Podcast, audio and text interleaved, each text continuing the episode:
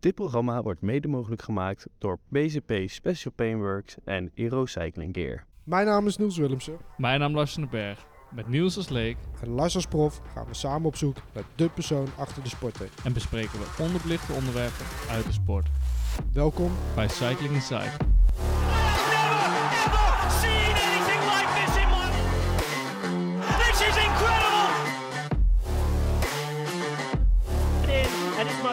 anything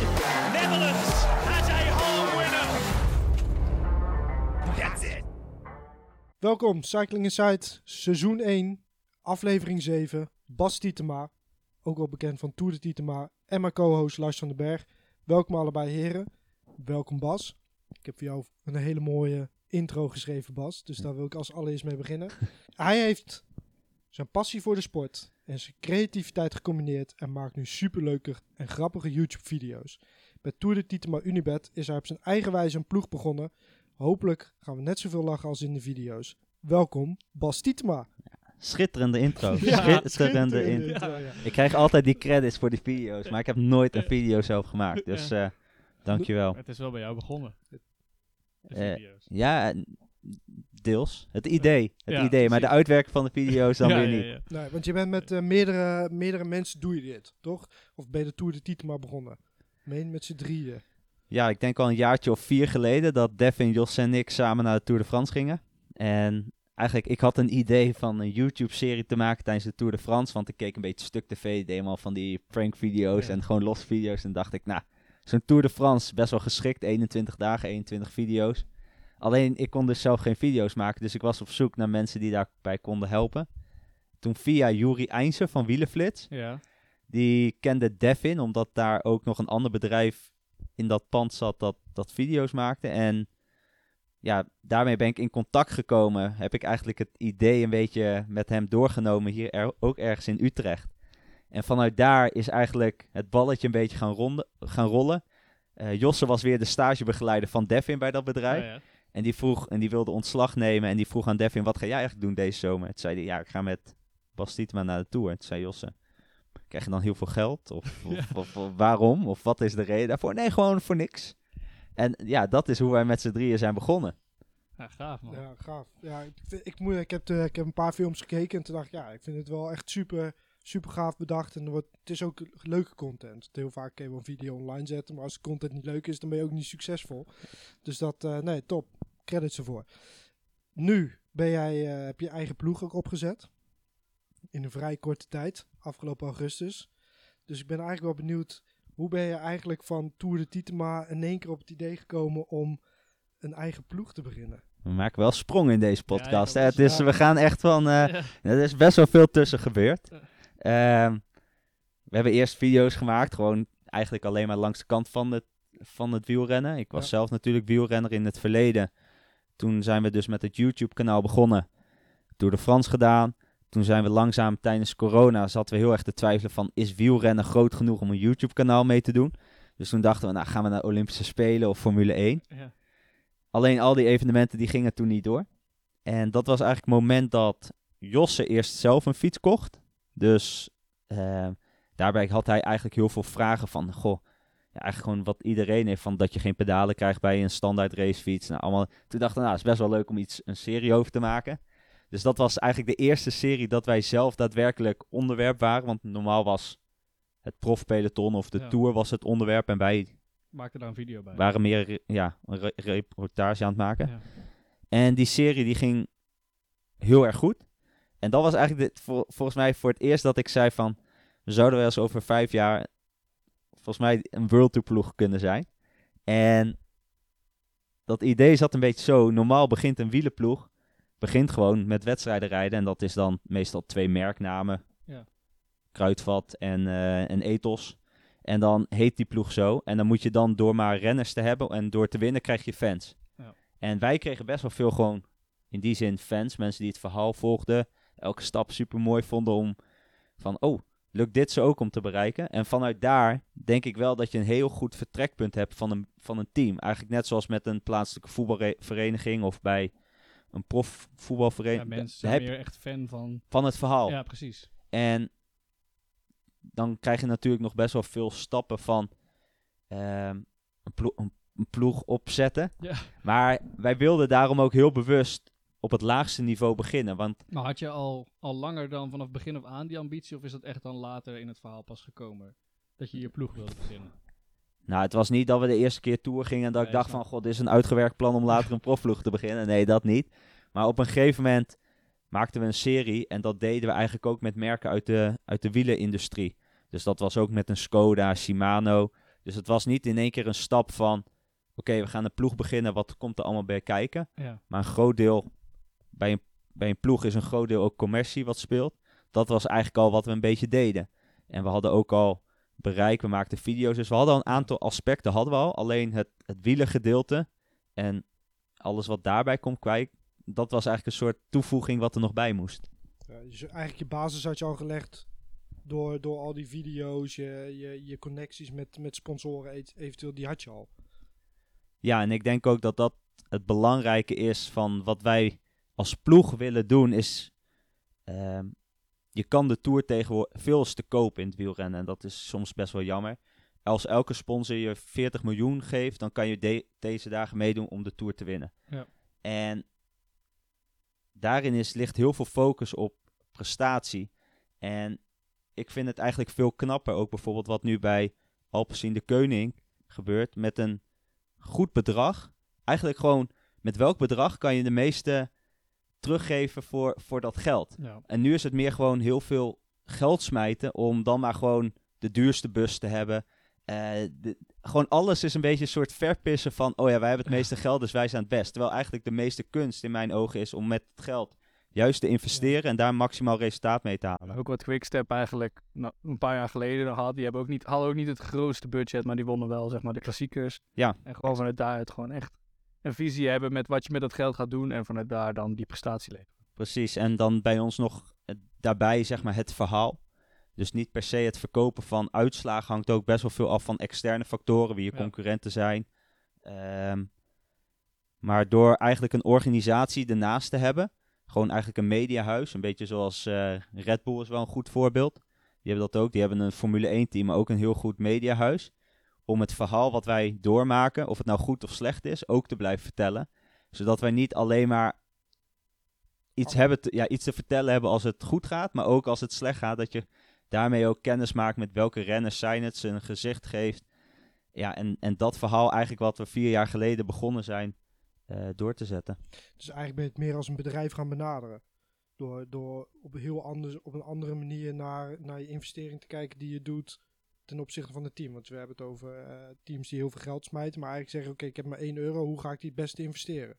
Ja, dat is eigenlijk nu op dit moment vaak de afweging van gaat hij, is hij het meest waard als hij naar het contentteam moet of meer naar de wielenploeg? En daarin inderdaad wat jij zegt. Wie maakt die beslissing dan over budgetwijs? Ben jij dat helemaal of overleg je dat nog? Of, eh, Nee, tegenwoordig hebben we gewoon een managementteam. ja. Dus is het daadwerkelijk gewoon. Eh wielerploeg is vertegenwoordigd in het management, content is vertegenwoordigd, hebben we financieel. En ik zit erbij, ik heb geen verantwoording, maar ik zit er meer bij vanuit een soort visie. ja. Waarbij ik eh, het beste kan afwegen tussen, oké, wat is het belangrijkste? Dus daarin heb ik meer een adviserende rol. Zeker niet dat ik daar eh, een soort eh El Patron ben, Ja. à la, Pat, eh, à la Patrick Lefevre of zo, die zegt van zo gaan we het doen. Eh, nee, dus dat gaat wel echt in overleg. Ehm, Hoe heb, jij, hoe heb je je management samengesteld? Heb- Zijn dat mensen die je kent uit het verleden? Of zijn dat mensen die, je- die op je pad bent gekomen eh, doordat je dit bent gestart? combinatie van beide. Dus ehm, daar zit iemand in die voorheen ehm, CFO is geweest van een beursgenoteerd bedrijf en enorm wielerliefhebber is. En eigenlijk met pensioen is en dit super mooi vindt. Daar zitten jongens bij die een van de eerste werknemers waren en vervolgens met ons mee zijn gegroeid. Dus best wel verschillend. Maar in het algemeen geloof ik wel heel erg in talent en ook eigenlijk gewoon als iemand de passie heeft, dat heel erg gewoon de commitment van oké, ik wil hier een succes van maken. Als hij dat heeft, dat is denk ik een hele belangrijke voorwaarde. En dat past ook beter bij ons, want zo zijn wij ook begonnen. In plaats van, ja, We gaan op ervaring, we kopen, we kopen de beste spelers of we kopen de beste mensen. En exact. dan, en eh, tuurlijk, op bepaalde functies moet je natuurlijk gewoon echt kwaliteit hebben. Maar ik heb liever iemand die echt er vol voor wil gaan, dan dat het iemand is die het gewoon echt ziet van, oh ja, dit is gewoon mijn baan en ik doe wat ik moet doen en dat is goed. Ja, ja. Want wat zijn jouw doelstellingen met, met, met deze ploeg toen jij begon? Is dat echt wedstrijden winnen of zeg je ik wil gewoon een ploeg waarmee het merk sterk is en dan komen de resultaten misschien vanzelf? Of moet- Ehm, het, beste, het beste verhaal hebben. Dus, eh, en ik denk de, daarmee word je ook de ploeg met de meeste, da- meeste fans. Eh, ik denk dat nu ploegen vrij weinig fans hebben. Renners hebben veel fans, maar ploegen heel weinig. Ja. ja, als de renner van ploeg wisselt, dan gaan de fans mee. Exact, Wout van Aert is nu bij Jumbo-Visma. Dus heel veel Belgen zijn fan van Wout van Aert. En dus, oh ja, ook maar voor Jumbo-Visma. Ja. Maar gaat hij volgend jaar ergens anders heen, dan zijn ze fan. Van voor de die andere ploeg. Ja. Dus dat heb je heel weinig. En ik merk wel dat het bij ons meer is. Omdat wie van ons wint, dat maakt niet uit. Maar ze willen het verhaal zien. Of, ze vinden het vet als wij weer een stap hogerop komen. En dat heeft ook effect op die renners. Ehm, Maar je bent best open met communicatie. Dus wat je eh, we net even een gesprek gehad. Alvorens je zegt als het goed gaat, laten we het zien. Maar ook als het slecht gaat, laten we het zien. Misschien dat je vanuit dat opzicht heel veel goodwill kweekt bij fans. Ja, ja, ja. ja, het is in het wielrennen natuurlijk. Ik denk dat Lars dat ook wel weet. Als het heel goed gaat, dan wordt het heel breed uitgemeten. Ja. En als het heel slecht gaat, dan is het eigenlijk stil blijven tot je volgende Ja. wedstrijd. Ja. En dan, dan maar weer even een Instagram berichtje erop Ja. zetten. En wij hadden Olympia's Tour. We hebben best wel goed gereden afgelopen, of de eerste wedstrijden, ook punt pro wedstrijden. Dat was best wel hoog niveau, waar we als Ja. continentaal team met een wildcard eh tussen kwamen. Nou, dan vinden we dan negende, maar dan rijden we Olympia's Tour. En wij, de serie heet ook Op jacht naar geel. En de laatste etappe zijn we gewoon allemaal uit koers. Ja. En ja, dan kan je, dan zit, dat is natuurlijk best wel, Pijnlijk. dat is best wel, ja, kut. Op dat moment. Ja. Maar als je nooit, zeg maar, je ambities, want eigenlijk elk interview met een renner van tevoren een wedstrijd is, ja, ik moet een beetje aanzien en eh, ja, die anderen zijn ook sterk, ik weet niet hoe goed ik ben. Ja, maar ja, zoals in de Olympia's Tour, toen ik van tevoren hoorde of zag van dat stuk van ja, we gaan voor geel. Ik vond het niet... eh, Irreëel of zo. Nee, nee, helemaal niet. Nee, op zich hadden jullie daar, als die week anders loopt, hadden jullie, was die mogelijkheid er wel geweest. Ja, en ik weet ook, daarmee gaan we soms ook hard op ons bek. Ja, En alleen als wij geen doelen stellen en dat is Nee. zelf, dan, ja, dan wordt het gewoon, dan wordt het inderdaad filmpjes maken. Van elke wedstrijd maken we dan een filmpje en dan zien we wel. En nu, eh, daarmee willen we het verhaal neerzetten. En dat is niet per se, dat het, het kan denk ik wel een beetje overkomen als arrogant. Maar het is niet per se als het niet lukt dat dat het einde van de wereld is. Bijvoorbeeld dat Koen Vermeld voor het Ster van Zwolle wint. Chapeau, heel sterk gereden van die ploeg. Ja. Maar als wij zeggen we gaan een serie maken en dat is... eh, ja, we hopen met eh vier man Olympia's Tour te finishen. Ja. dat is nou niet echt dat, ieder, dat je denkt van, goh, daar ga ik eens op klikken. nee. Nou ja, uiteindelijk is zelfvertrouwen natuurlijk niet, niet verkeerd. Maar ja, vaak is het natuurlijk een dunne lijn tussen arrogantie en Ja. zelfvertrouwen. Maar ja, als je het van jezelf weet, dat je gewoon een ambitie hebt, ja, dan moet je dat natuurlijk ook gewoon uitdragen. Ja, en daarin denk ik ook wel gewoon respect voor de sport hebben of zo. En daarin vooral heel belangrijk, sommige dingen wat je wel niet laat zien. Ja. We zijn, eh, want je, ik vind dat je wel een soort van beweging eh, maakt wat niet heel typisch wielrennen is.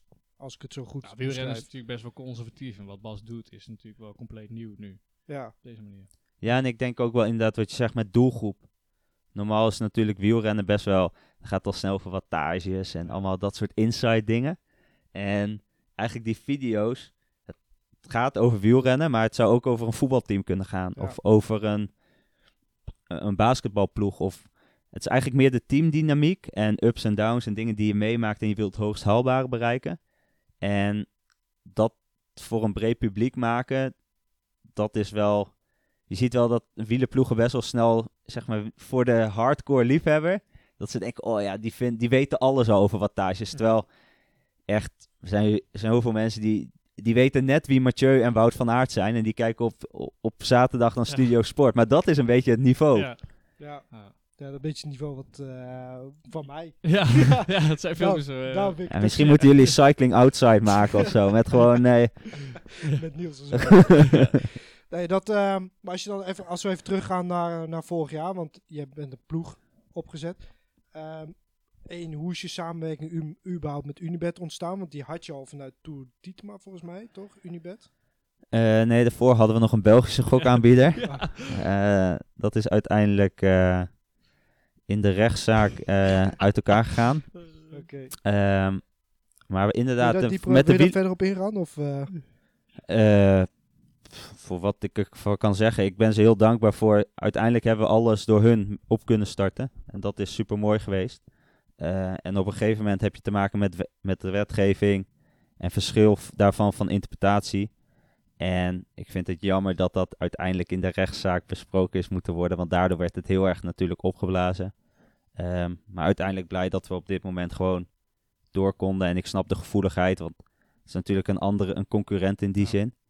Ehm, maar goed. ja, Je bent nu met Unibet.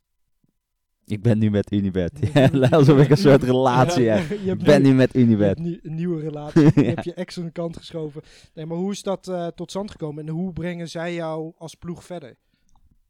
Ehm, nou, de eerste keer dat we... Ja, het begint eigenlijk gewoon met het van... Oké, wat wil je überhaupt gaan doen? Ja. We- we- Hoe wist je überhaupt, zeg maar, van oké, ik ga nu deze ploeg beginnen. Ik ga zoveel budget nodig hebben. Ja, dat vind ik altijd lastig, want budget is meer, zeg maar, heel veel wielenploegen beredeneren van, oké, wat is het budget? Terwijl in medialandschap is het altijd gewoon, wat is het waard? Ja. Wat kost het, of wat is het waard om een reclame in te kopen bij de Voice of Holland? Dus dat vond ik, vind ik altijd wel best wel lastig, maar je moet natuurlijk wel een indicatie hebben van, oké, waar moet ik ongeveer Ja. naartoe? Anders eh, is het is sowieso out of reach en dan heeft het eh, geen kans van slagen. Dus je begint met een, ehm, ja, met denk ik, met scenario's van, oké, want je kan continentaal zijn dat je het net kan doen. Je kan het goed doen, je kan het top doen. Dus die scenario's moet je hebben. En daarin is het ook best wel transparant, denk ik, met een sponsor. Ehm, omdat ik wel geloof van, wat ik net ook zei. Als je ons 40 miljoen geeft, kunnen wij ook meedoen voor de Tour-overwinning. En kunnen we nog steeds het beste verhaal vertellen. Omdat ik geloof dat we een goede organisatie hebben. Dus Ehm, het is meer ook in die zin een soort van samenspraak van wat willen jullie en wat willen jullie eruit halen en geloven jullie dat wij dat voor jullie kunnen realiseren. En vorig jaar was dat natuurlijk nog best wel onbekend, want we hadden nog geen, we hadden nog geen wielenploeg of Nee. geen enkel track record. Dus daarin was nog wel van oké, eerst zien. Dus daarin ook best wel veel respect in die zin dat ze het hebben aangedurfd. En uiteindelijk heeft dat ook best wel hoog in de organisatie ehm, besloten moeten worden. Want ja, als je vertelt, we willen sponsor worden van Ajax, dan snapt iedereen dat van, oh, ze worden sponsor van Ajax. Dus dan En moet uitleggen van, Nog onbestaande wielenploeg. eh, ja, drie YouTubers, eh, Ja. die gaan nu met een profploeg beginnen. Eh, lijkt je dat je wat? Op welk niveau? Ja, continentaal welk? Ja, Ja. Het, zegt, het was voor eh, natuurlijk nog niet echt iets, eh, iets zeggend. nee, En als je dan natuurlijk even geld moet neerleggen, dan eh Ja, ik dat daar wel even iets van twijfel is. pre- precies. En, en, nu, en nu zien ze zeg maar de impact die we kunnen maken op dit niveau. En daarbij de ambitie om komende jaar weer de stap omhoog te zetten. Wil je nu volgend jaar doorstromen naar Pro Conti? Of heb je zoiets van, ik kijk wel hoe het gaat? Nou, maar mijn eindstation is niet van dat ik dacht van, goh, laten we naar Continentaal en dat doen. Dus Nee. onze Zeg ambitie dan, is... zeg maar, in zoveel jaar wil ik uh, World, Tour, World Tour worden? Of heb, is dat hele plan, ligt dat er al? Of is dat nog niet zo eh, specifiek? Nou, ligt wel een plan. Niet per se aan niveau gerelateerd. Be- Ja, een beetje zoals wat je ziet bij Alpecin Mhm. afgelopen jaren. Meer gewoon doelen stellen als in de zin van daar willen we sportief naartoe. Ja. Dan een licentie of iets. Eh, maar die doelen inderdaad liggen er. Ehm, en dat is nu kijken van oké, hoe, snel gaan we dat doen? ja. Eh, en ik ben ook, het, het moet ook niet jaren duren. Anders word je de zoveelste continentale ploeg die zegt we willen Ja. het en dan wordt het niet. Ja, dat werkt ook niet. En als je helemaal een verhaal, op een gegeven moment is die spanningsboog ook wel van, ja. Het moet wel een beetje zo'n stijgende lijn in blijven zitten in je verhaal. En het moet wel die prikkel blijven om dan... ja, in, in het verhaal, maar ook in de organisatie, dat je wel gewoon moet blijven uitdagen, denk Ja. ik. Hey, hoe heb jij eh, je renners geselecteerd? En welke criteria vond jij belangrijk om ze... eh, de- de- wat, wat jou, waar je, ja, wie je in je ploeg wilde hebben? Nou, dat was aan het begin nog best wel lastig, want aan de ene kant ben je bezig met het neerzetten van de budgettering. Aan de andere kant ben je het neerzetten van de organisatie. Alleen je hebt ook renners nodig. Ja. Ja. Dus ik was eigenlijk een beetje drie ballen hoog aan het houden, zonder dat ik wist van oké, eh, Hugo was op het eerste moment, Hugo Haak is nu verantwoordelijk voor de wielenploeg. Dus die is echt, die gaat over oké, waar gaan we naartoe, hoe gaan we dat doen. Ehm, alleen die kwam er pas later bij, voordat ik dus de eerste gesprekken met renners die had ik gedaan. Wat Ja. natuurlijk heel raar is in de zin dat ik nu rennen ben. En met hen had ik dan gesprekken. Ehm, dus ja, dat was wel een beetje, een beetje verschillende petten op hebben. Eh, maar ik heb wel, denk ik, gekeken naar eh, jongens die niet per se op korte termijn eh, wedstrijden kunnen winnen. Want volgens mij, al- onze renners hadden vorig jaar geen enkele wedstrijd gewonnen. Maar het waren wel allemaal jongens die in zwaardere wedstrijden, dus eigenlijk al van een niveau hoger, wel altijd mee konden doen vooraan. Ehm, ja, en dat is ook wel denk ik wat je dit jaar ziet. Ze, als wij die stap gaan maken in de toekomst, zouden deze jongens in potentie ook die stap mee kunnen maken. Ja. In plaats van jongens die op een lager niveau misschien dat nog aan kunnen, omdat het dan vlakker is of een lager niveau maar goed kunnen sprinten. Ehm, Ja, ja, niet dat als ze doorstromen naar Pro Conti eventueel, dat ze dan niet meer zouden mee kunnen Nee. stromen met jouw ploeg. Nee. Inderdaad. En dat was ook nog wel lastig, want eh, je gaat dan natuurlijk in het continentale circuit en dan moet je de beste, wil je de beste Ja, team de bij beste elkaar. Ja, weghalen, ja. maak je ook geen vrienden mee, Nee, kan nee, ik je vertellen. Nee. Heb je boze belletjes gehad van eh, andere ploegleiders uit eh, het Conti-niveau dan? Nou, boze berichtjes misschien, maar het lastige is zeg maar van, je weet de gevoeligheid Ja. en je weet, ik weet ja, ik denk dat het wel een beetje onderling zo is van, oké, we gaan niet te veel bij, bij elkaar zeg maar rondschuiven. Maar als jij een nieuwe ploeg begint met ambities die eigenlijk torenhoog zijn, ja. ja, wat moet ik dan gaan doen? Moet je dan bij de clubcompetitie gaan Ja. zeggen van, lijkt dit je mooi? Nee. En ja, Ja. Maar hoe, En- over, hoe overtuig je die renners eh, of de mensen vanuit de staf om bij jou aan te sluiten? nou, we maken wel goede video's. Ja. Dus, eh, nee, maar eerste, het eerste gesprek was best wel spannend, want ik belde Hugo. Hugo Haak was eh, bondscoach geweest van de, van de baanwielrenners. Olympisch gouden medailles gehad. En dan ging ik bellen van, hey Hugo, eh, ik ga een continentaal wielerteam beginnen. En, eh, dus daar was ik best wel gespannen voor. En, maar de uitdaging zit denk ik vooral in het feit van, je gaat met een wit vel beginnen. Waarbij eigenlijk de mogelijkheden volledig er zijn om het zelf in te richten. Terwijl vaak krijg je gewoon, oké, jij bent rennen en we verwachten dit van je. En nu, ik wil ook niet degene zijn die zegt van, oké, dit wordt het idee, dus eh, jij moet het maar uitvoeren. Hugo kan zijn eigen filosofie, wat hij op de baan heeft gedaan, en ook een beetje, denk ik, wat jij hebt meegemaakt bij eh Frances de is het ook, zeg maar, dat interne en dat Ja. op Papendal, dat is ook iets wat Hugo heel, heel erg hoog heeft staan. Ehm, en dat soort filosofieën, dat je dat zelf neer kan zetten en dat van grond af aan op kan bouwen, dat is denk ik wel iets wat heel tof is om te doen. En voor renners eigenlijk in die zin hetzelfde. Ehm, Wat was Hugo's reactie toen je hem belde?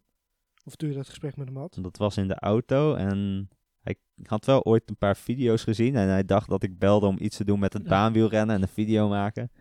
Maar dat ging best wel snel en toen hebben we hier in Vianen bij Van der Valk afgesproken. Toen uitgelegd en toen is eigenlijk best wel snel van het een kwam het ander en een maand later deed hij alle gesprekken met renners. Ja, tof. Ben jij gebeld, eh Luis? Nee, ik ben niet gebeld. Nee. nee. Wie weet in de toekomst dan. Nee. Hey, want eh, was Hugo de eerste vanuit, het, of vanuit die toe werd gevoegd aan de staf? Ja, het is een beetje raar als je bij de verzorger begint en dan Nou ja, vervolgens nog kan- een... eh, dus we zijn wel echt van boven naar beneden gaan, eh, gaan bouwen. Het kan zijn dat je eh, al een verzorger had wa- waar, waar je al een keer mee hebt samengewerkt, dat je die kent. Maar heeft Hugo daar ook een adviserende rol in gespeeld of in, vanuit zijn netwerk? Of heb jij wel echt altijd alle touwtjes in handen gehad? Mm, Nou, ik heb niet alle touwtjes in handen gehad. Het is denk ik heel erg een combinatie van beide. Want voor renners uitzoeken is natuurlijk ook niet echt hogere wiskunde. Je hebt een mooie wielenwebsite. En vervolgens is eigenlijk het belangrijkste om te kijken, oké, wat voor persoon zit daarachter? En ik denk een beetje als ik kijk naar de ploeg die we nu hebben, zijn op zich een beetje ideale schoonzoon. We hebben niet echt dat hele patserige Nee, nee, van, eh, wij zijn... Die eh, alpha mannetjes. Nee, we hebben niet veel Nee. alfa-mannetjes. En dat past denk ik wel heel goed bij een organisatie waarbij je gewoon heel open zegt van oké, wij zijn lerende. Ja. En dat is ook in de staf.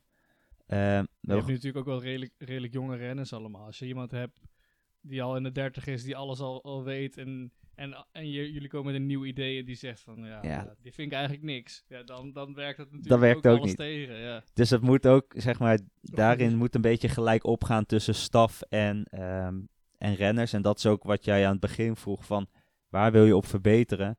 dat dat tegelijkertijd zeg maar omhoog gaat. Dat renners zien van oké, we gaan naar een volgende stap en ik moet ook ik moet er nog harder voor gaan of nog beter voor leven. Dat ook de staf denkt van oh, ik moet ook nog heel veel leren en dat je dat van elkaar weet en accepteert in plaats van dat je krijgt van allemaal verwijten van ah ja, die, die mechanieker er niks van Ja. of die verzorger die weet er niks van. Eh, Maar dat je gewoon weet dat je een lerende organisatie bent. Zou jij eh, op het moment dat je ploeg professionaliseert en je merkt dat, dat je fiets zelf ook mee, dat je bijvoorbeeld het niveau niet meer aan kan, zou je dan zelf aan de kant eh, stappen? Of wat, wat zou je zelf doen in zo'n situatie? Zou je jezelf opofferen om het team beter te maken? Ja, 100 procent. Ehm, En wel, welke dit is ongeveer ook vraag nummer 1 van Wielenflits, meestal van alle mensen. Waarom zit Bas in de ploeg en rijdt iemand anders niet? Ehm, ik ben denk ik de eerste als ik zelf niet het niveau heb, of in ieder geval niet de toegevoegde waarde in de groep met renners, om dan eh, te zeggen van ik ga wel een andere functie bekleden. Ik hoef, zeg maar, ik heb niet zelf van oké, ik ga Ronde van Vlaanderen winnen, of Nee. ik hoef het ook niet te doen om weer een contract te hebben. Dus in die zin is er eigenlijk niet echt een reden dat dat, dat zou moeten. Eigenlijk fiets je altijd ontspannen, want je bent nooit bang voor eh beëindiging contract. Of, Nee, ik moest ook aan de ene kant links een soort handtekening en dan rechts een handtekening neerzetten. Ja. Maar nee, ik heb dat eh, helemaal niet. En ik denk als je alle renners spreekt, dat die heel goed weten dat ik... Ik ben ook de enige die geen individueel belang heb, heeft. Nee. Zeg maar, mijn teambelang is mijn individuele belang. En daarin probeer ik altijd heel oprecht. En dat is vaak in, in teammeetings. Dan, dan, dan heb je vaak een soort plan met z'n allen. Maar vaak is het toch nog wel een beetje van een individueel dingetje. Dat is denken van, ah, dat het toch nog een beetje schuurt. Ja, of dat wo- natuurlijk Of dat weer. wordt niet besproken. Ja. En Kun je een voorbeeld geven? Jawel, dat, dat kan ik wel doen. Was in Bredene, Bredene Kokzijde. Eh, het doel was om echt in de ontsnapping te gaan. En ik wist van Martijn, Martijn Budding, dat is een beetje de, de snellere jongen van ons. Wist ik dat, die, dat dit een mooie wedstrijd was om misschien ook te sprinten. Dus ik vroeg zo in die meeting van, nou ik ben wel benieuwd als het teamdoel is om in de ontsnapping te gaan, van hoe jij die rol ziet Martijn. Ga jij ook vol mee of niet? Ja. En toen kwam een beetje van, nou, ik zou misschien toch wel willen wachten. En toen kwam, kwam je dus eigenlijk echt tot het oprechte punt van, gaan we dit met z'n allen doen? Of gaan we dat niet met z'n allen doen? Ja. En de keuze maakt mij in die zin niet uit. Maar uiteindelijk zegt Martijn, we gaan gewoon vol voor die aanval. En uiteindelijk werd het een sprint, sprinten die nog naar plek 8. Maar dan maak je wel stappen als ploeg. Omdat je, je bent even door die muur heen van, Ja, Eh, an- anders is het zo onbesproken. en Dat exact. ja. En daarin zit natuurlijk heel erg. Toen ik vroeger bij, bij BMC of bij Beat fietste, Ja, had ik dat ook echt niet gedurfd hoor. Nee, ja, bij mij bij Metec precies hetzelfde verhaal. Dan denk je van, oh ja, maar die jongens fietsen veel harder. Of dan is het heel erg op basis van hiërarchie van die fiets goed of die minder van, oh dan hou ik wel even mijn mond dicht. Ja. En daarin heb ik denk ik wel een vrij belangrijke rol. Ehm, en ook Stefan, dat ik niet de kopman ben en niet ga winnen, dat weet ik ook wel. Ik train nu wel vrij veel daarvoor, maar Stefan Zwolle was goed en dat is denk ik ook mijn rol die ik moet hebben. Ehm, en of dat in de toekomst, als het niveau hoger wordt, vanuit ploegleider is of, of wat dan ook. En ik, ik maak ook een programma dat ik gewoon keuzes maak van oké, die wedstrijden, die rijd ik niet. Of Nee. die willen andere jongens liever rijden. Ja, je, weet wat je, je weet wat je ook ligt natuurlijk. Qua Ja. koers kan je daar gewoon op uitkiezen. Exact, behalve als er dan windkracht 6 staat in de eerste etappe van Olympia's Tour, dan denk je kut. Ja. Maar Dan is het toch even balen. maar ja. dat soort dingen niet. Maar zeg maar, daarin maak je wel gewoon meer keuzes, ook wat betreft programma. Hey jongens, het is eh, tijd voor de reclamekaravaan. Dus eh, Sponsoren. de sponsoren zijn ook belangrijk. En dan is het nu tijd voor de reclamekaravaan. Zoals elke week nemen wij een moment om reclame te maken voor onze partners die dit programma mede mogelijk maken. Met onder andere de mannen van BCP Special Paintwork. Bekend van het spuitwerk voor fietsen, brommers, motoren en meubels. Daarnaast hebben zij ook voor jou als wielerliefhebber een specialisatie in het repareren van gebroken carbonframen. Dit doen zij in zo'n kwaliteit dat je levenslange garantie ontvangt op de uitgevoerde reparatie. Dus voor elke reparatie ga je naar BCP Special Paintwork. Dan onze tweede partner, Aero Cycling Gear. Wielrennen is een sport van detail. Overal zijn kleine procentjes te winnen in de ultieme poging zo snel mogelijk te gaan. Met goede aerosokken is het wel mogelijk tot 3% te winnen in vergelijking met andere sokken. Laat niks meer liggen. Bestel jouw Aero sokken en accessoires bij Aero Cycling Gear. Of haal onze limited edition Cycling Insight wielersokken ook bij Aero Cycling Gear. Dit was de reclamekaravaan. De reclamekaravaan, onze sponsoren zijn voorbij. We gaan nu hebben over jouw sponsoren. Ehm, los van Unibet, hoe, hoe heb je de rest van je sponsoren gevonden en aan welke criteria moesten zij voldoen om je budget sluitend te krijgen? Eh, ja, het begint wel vanuit bovenaan. Dus eh, ja, je kan een fietsensponsor hebben of een autosponsor, maar grootste deel, het is eigenlijk opgedeeld in twee, twee delen in die zin. Je hebt gewoon het cash component om gewoon een jaar lang draaiende te blijven wat betreft salarisposten, reiskosten, eh overnachting. Dat zijn een beetje de, de grote kostcomponenten. En daarnaast meer de, de, de technische sponsoren. En begon met Unibet en dat is eigenlijk heel erg op basis van oké, geloof en vertrouwen geweest. En soms nog wel een beetje botsend, omdat je hebt de traditionele denkwereld van gewoon logo's plakken. En dan kijk je naar een shirt en dan hoe, de, hoe het vorige Unibet was, dat was gewoon groen. Ja. En dat zie je ook nu een beetje bij Jumbo-Visma. Dat is geel, maar als Jumbo stopt, wordt het in één keer compleet anders. En daarin was het gewoon voor ons heel belangrijk om die identiteit die we hebben, dat het niet afhankelijk is van wij zijn wie wij zijn. En dat is niet in één keer heel anders, omdat de kleuren in die zin van een sponsor zo zijn. En dan hadden we voor het logo, hadden we eerst, eh, we hebben een gradient hebben we in, in, hu- ja, in het shirt zitten. En dat wilden we ook in het logo doen. En dat was niet een beetje volgens de brand guide en het brandboek van, van Unibet. En nu, drie, vier maanden later, zeggen ze toch wel, ah ja, hadden we toch wel moeten doen. Ja. En dat soort gesprekken waren best wel leuk. En vooral een beetje terugdenken daaraan. Als je dan iets verder bent en je hebt kunnen laten zien van het werkt echt. Dat zij ook denken van, ah ja, we moeten eigenlijk gewoon vertrouwen hebben in dat hier het, het maximale uitkomt. Ehm, maar ja, hoe dat gesprek was. Eigenlijk in die zin is het wel heel snel gegaan. En heel veel vertrouwen en wel gewoon in die zin spannend van je, uiteindelijk hoor je een ja of een nee. En die is wel. Het was niet dat we drie, vier eh, partijen op een rij hadden die, Nee, die het zouden kunnen doen. wilden inspringen anders. Nee, en ook niet. Maar ik denk dat we een- gewoon een, op minimaal niveau een Conti-team. Dat hadden we al wel gekund, want de, de jaren ervoor onze organisatie was in die zin al groter dan een wielenploeg. Ja. Maar wij wilden die content blijven behouden en daar bovenop een wielenploeg neerzetten. Mhm. Dus ja, we hadden ze niet voor het kiezen, dus dat was wel heel spannend. En op het moment dat dat een go krijgt, dan, dan begint eigenlijk meer de, de bal te rollen met een Shimano, een Cannondale. Maar zijn er nou partijen die dan aan boord gaan omdat jij zo'n grote sponsor binnenhaalt? Of is dat meer omdat zij dan echt geloven in jouw verhaal en in jouw concept? Nee, veel waren wel hetzelfde. Skoda is al vanaf de eerste Tour de France dat wij naar de Tour gingen, is er al bij. Dus die, voor hun was het meer een soort van, oh, komt nu ook een ja. wielerploeg bij, dus we gaan da- dat wordt dus het verhaal. Ja. Shimano hetzelfde, Garmin hetzelfde, dus Alleen eigenlijk fietsenmerk ben je gewisseld, toch? Ja. De eerste video's reden jullie op een ander fietsenmerk dan waar jullie nu op. eh, Ja, aan de ene kant gewisseld, eh Shim- of eh, Cervelo en Pon. Of eh, Cervelo is allebei in Nederland van Pon. Dat is dus, dat is eigenlijk Ja. binnen dezelfde organisatie, maar wel ander fietsenmerk. Ehm, maar voor de rest best wel veel dezelfde. En in het algemeen ben ik wel fan van relatief weinig merken. Ja. Dus ik vind het super mooi dat we gewoon met Shimano doen we helm, bril, schoenen, groepsets. In plaats van dat het zo'n hele puzzel wordt van een ketting daar, een... een Ja, hele ram om overal vandaan. eh, Exact. halen, ja. eh, dus Ja, en deze mensen wisten dus al jouw verhaal en die konden eigenlijk gewoon meegenomen worden in de volgende stap nu. Ja, alleen je zag wel aan het begin nog wel een beetje een soort van angst van... Oké jongens, weten jullie zeker wat jullie gaan doen? Eh, ploeg beginnen.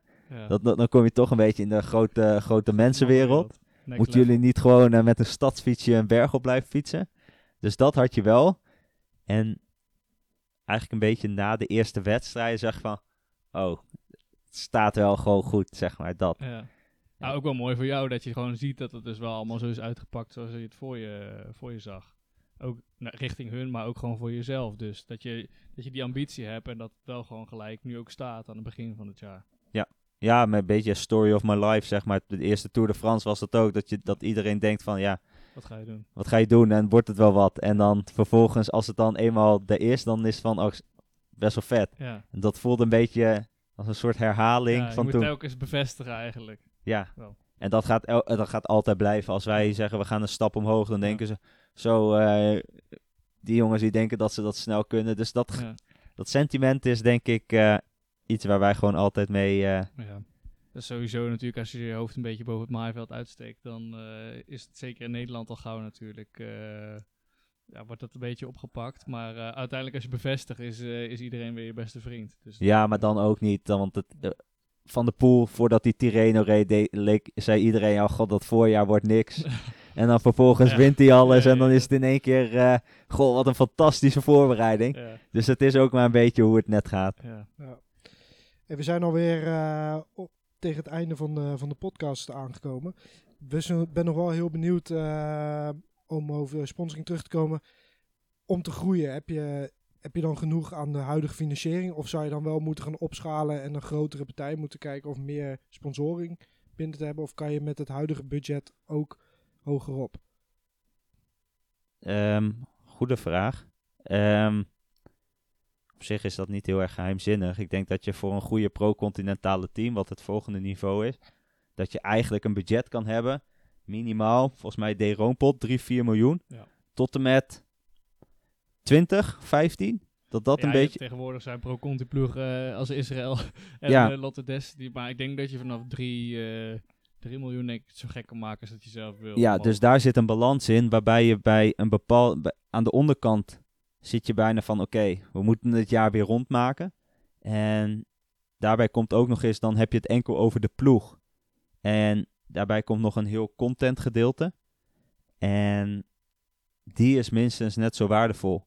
En daarin zit dus meer de balans gewoon. En wat ik ook net zei met die sponsor, met sponsoren, gewoon de vraag van wat, wat willen wij?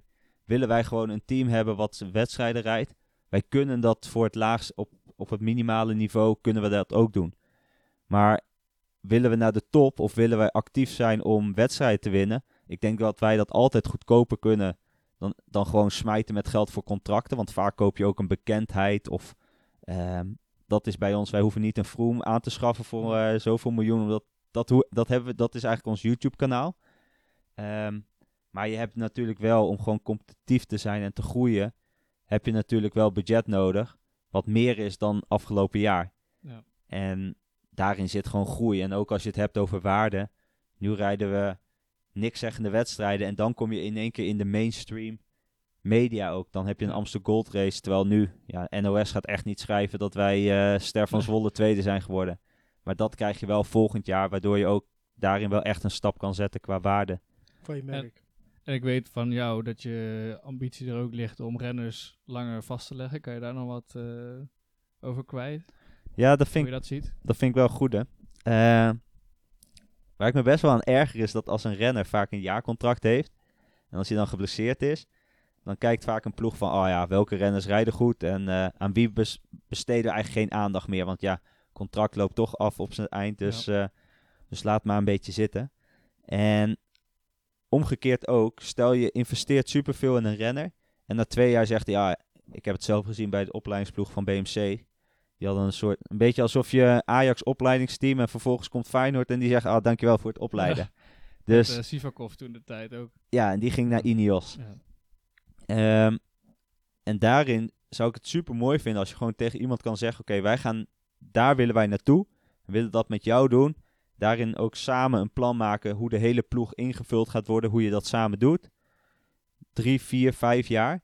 En daarin ook die zekerheid kunnen geven, maar ook het vertrouwen. Maar ook dan moet je ook nadenken over van, want ik, vind, ik zou het ook niet erg vinden als een renner ergens anders naartoe gaat. Ja. Maar daar moet dan wel een soort van verhouding of iets, iets tegenover staan. Ja, nu, en nu is de UCI met Ja. iets bezig, een trainingsvergoeding. Krijg je Ja. 2000 euro per jaar, dat je, Ja. dan kan je net eh, twee keer op trainingskamp bij wijze van spreken. Ja. Maar als je op die manier, uh, Pogacar en Evenepoel hebben het volgens mij nu wel. Want je hebt geen transfersysteem, maar die moeten Ja. dan hun contract afkopen. En dat gaat over extreme bedragen. Maar Ja. als je daar een beetje iets redelijks in kan krijgen, dan denk ik dat dat iets, iets is dat heel goed is voor de renner. Ja. Want die krijgt een zekerheid voor, voor langere termijn om zich te ontwikkelen. Maar ook goed, ook goed voor een team. Want die denkt, ja, we kunnen die gast niet eh, links eh, laten liggen. Maar als hij het dan goed doet, dan kan hij ook prima dat hij weg kan en naar een goede ploeg. Ja, maar dan krijgen jullie eh, een beloning voor de waarde die jullie hebben toegevoegd aan die, aan die rennen. Ja, en dat is natuurlijk nu, het liefst zou je echt een soort transfersysteem, dat het echt open, open gaat. Ja. Dat zou ik heel mooi vinden. Ja. Ehm, maar nu wat je ziet, dan krijg je, nu moet de renner zijn contract afkopen. En dan gaat dat geld, zeg maar, gaat op die manier vaak Ja. naar een team toe.